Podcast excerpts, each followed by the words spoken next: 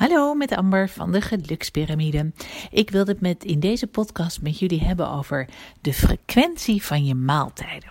want als we het hebben over geluk, um, energie, een vitaal lijf, nou ja, kortom, alles wat je eigenlijk nodig hebt voor die, die blije mindset en die, die brede glimlach op je uh, gezicht dan heb je het ook over energie. En hoe krijg je energie? Dat is eigenlijk, um, doen we onszelf een beetje tekort, doordat we ooit lang, lang geleden te horen hebben gekregen, of zo lang is het trouwens helemaal niet, volgens mij is het van de laatste, laatste decennia in ieder geval, dat de fitnessblaadjes en uh, trainers en overal sportscholen hoorden je ineens dat we zes, zeven keer per dag moeten eten om ons metabolisme hoog te houden.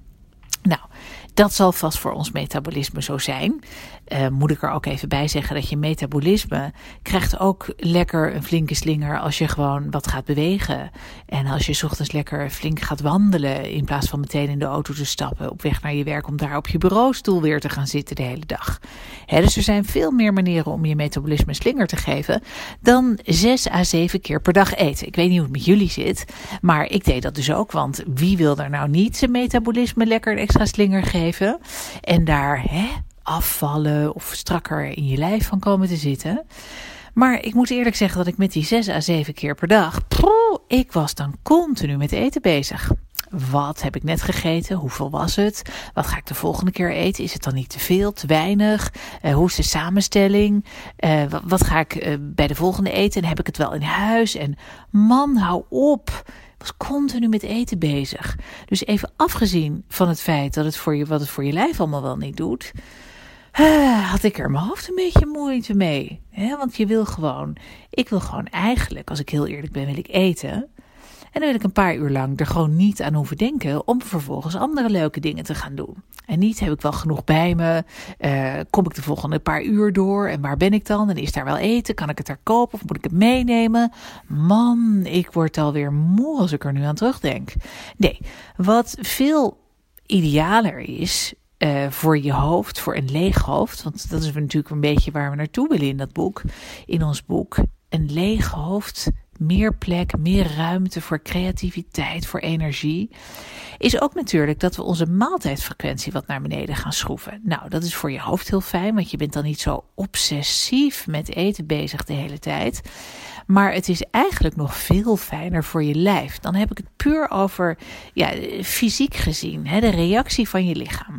Yes, het is vast voor je metabolisme handig als je continu wat, wat olie, eh, wat kolen op het vuur gooit. Dat blijft stoken, dat verbrandingsoventje. Maar laten we eerlijk zijn, je bent toch meer dan je metabolisme. Er zijn toch nog heel veel andere processen die in ons lijf plaatsvinden. We hebben ook nog zoiets als een bloedsuikerspiegel. Wat gebeurt er met je bloedsuikerspiegel bijvoorbeeld als je om de zoveel tijd eet? Die reageert. Dus die gaat afhankelijk wat je op dat moment eet, in al die tussendoortjes, gaat die stijgen. Daar gok ik even wel op, want het is niet zo dat je waarschijnlijk eh, per tussendoortje één avocado eet. Daar zal die wat stiller van blijven liggen dan van, ik zeg het maar wat, een hele gezonde mueslireep. En dan zeg ik heel gezond, zeg ik even tussen aanhalingstekens. Want vaak zit er in die mueslirepen uh, allerlei granen en wat goed bedoelde honing. Nou ja, dat zijn allemaal koolhydraten bij elkaar. En woep, daar gaat die bloedsuikerspiegel omhoog. Nou, wat gebeurt er vervolgens in je lijf? Die bloedsuikerspiegel gaat dus ook 6 à 7 keer per dag omhoog. Wil je lijf dat? Nee je lijf wil balans met alles. En met name je bloedsuikerspiegel. Die moet niet te vaak omhoog gaan. Daar is hij eigenlijk helemaal niet voor gemaakt. Als je kijkt naar je alvleesklier, die dus insuline aanmaakt om die bloedsuikerspiegel vervolgens te laten dalen na een maaltijd. Of in ieder geval een koolhydraatrijke maaltijd. Want dat is vaak wat we eten. Hè? Het zijn overwegend koolhydraten. Um, als je kijkt naar de samenstelling van je alvleesklier, 98% is bedoeld voor aanmaak van enzymen om jou je maaltijden beter te laten verteren of die tussendoortjes. En slechts 2% is bedoeld, is opgebouwd om insuline aan te maken. Dus eigenlijk geeft je lijf al aan: oh, ik wil dit helemaal niet 6 à 7 keer per dag doen. Ik wil dat met de hoofdmaaltijden wel even voor je doen. Maar daarna moet het afgelopen zijn, want daarna wil ik gewoon andere dingen produceren. Dus je lijf, de samenstelling van je alvleesklier, de opmaak van je lijf, geeft eigenlijk al aan dat wij niet gemaakt zijn om continu maar te grazen. Zo noem ik het even. Hè? De hele, hele dag door grazen. Een koekje bij de koffie, een handje nootjes hier. Oh, tijd voor mijn tussendoortje. En daarna gaan we aan de lunch. En nog even, oh, daar uh, trakteert een collega. Doe ik daar ook nog even mee. We zijn de hele dag door aan het grazen. Nou, nogmaals, ik ga weer draai weer even terug naar het begin. Dat zal ongetwijfeld goed zijn voor je metabolisme, maar gezonder voor je lijf is het om even lekker te gaan wandelen of te gaan bewegen en je maaltijdfrequentie wat terug te schroeven.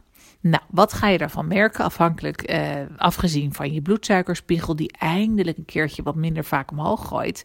Je alvleesklier staat echt te juichen, die is je enorm dankbaar. Je gaat merken dat je energie overhoudt. Want als jouw lijf niet meer continu energie kwijt hoeft te zijn aan al het verteren van al die tussendoortjes, dan gaat het naar andere zaken toe. En dan ga jij tussen de maaltijden door, waardoor je ten eerste meer energie hebt omdat je hoofd niet continu bezig is met het plannen van al die tussendoortjes. Gaat je lijf ook meer energie overhouden om allerlei andere leuke dingen te doen. Dus je merkt dat je tussendoor meer energie hebt. En dat is volgens mij wel waar we allemaal behoefte aan hebben. Ja, als ik dat zo zie uh, om ons heen. Dat is de meest gehoorde klacht van tegenwoordig. Ik ben zo lustig, ben zo moe. Echt, ik moet zoveel.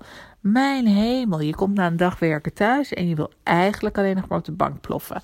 Nou, laten we eens vandaag kaasgaaf 1 erbij pakken. Kijk eens naar je maaltijdsfrequentie. Het was een hele lange inleiding om eigenlijk gewoon maar even te zeggen. Hoe doe jij het op dit moment? Kijk eens even. Waar gaat er een handje hier en een korreltje daar en een snoepje zus en een dingetje zo? Hoe gaat dat bij jou? Ben jij een grazer of ben jij gewoon maaltijd en daarna gaan we andere leuke dingen doen? Misschien is dat een tip voor deze week, deze kaasgaaf toe te passen. Ga eens even op je eetgedrag letten. Map het eens even uit, zeg ik. Map it out. Um, Schrijf het even op. En kan die naar beneden? Als jij nou merkt dat je een grazer bent, welke momenten kunnen er tussenuit? Welke spaar je even op? Ik zeg niet dat je minder hoeft te eten. Je mag het ook allemaal opsparen en het in de volgende maaltijd duwen. Ehm, maar ga daar eens wat bewuster mee om. En ga dan in week 2 eens kijken: voel ik nou verschil in mijn energie? Voel ik me hier lekker erbij? Wat past bij mij? Daar ben ik heel benieuwd naar. En dat zou ik heel graag ook van jullie horen. Daarom hebben we deze site opgericht.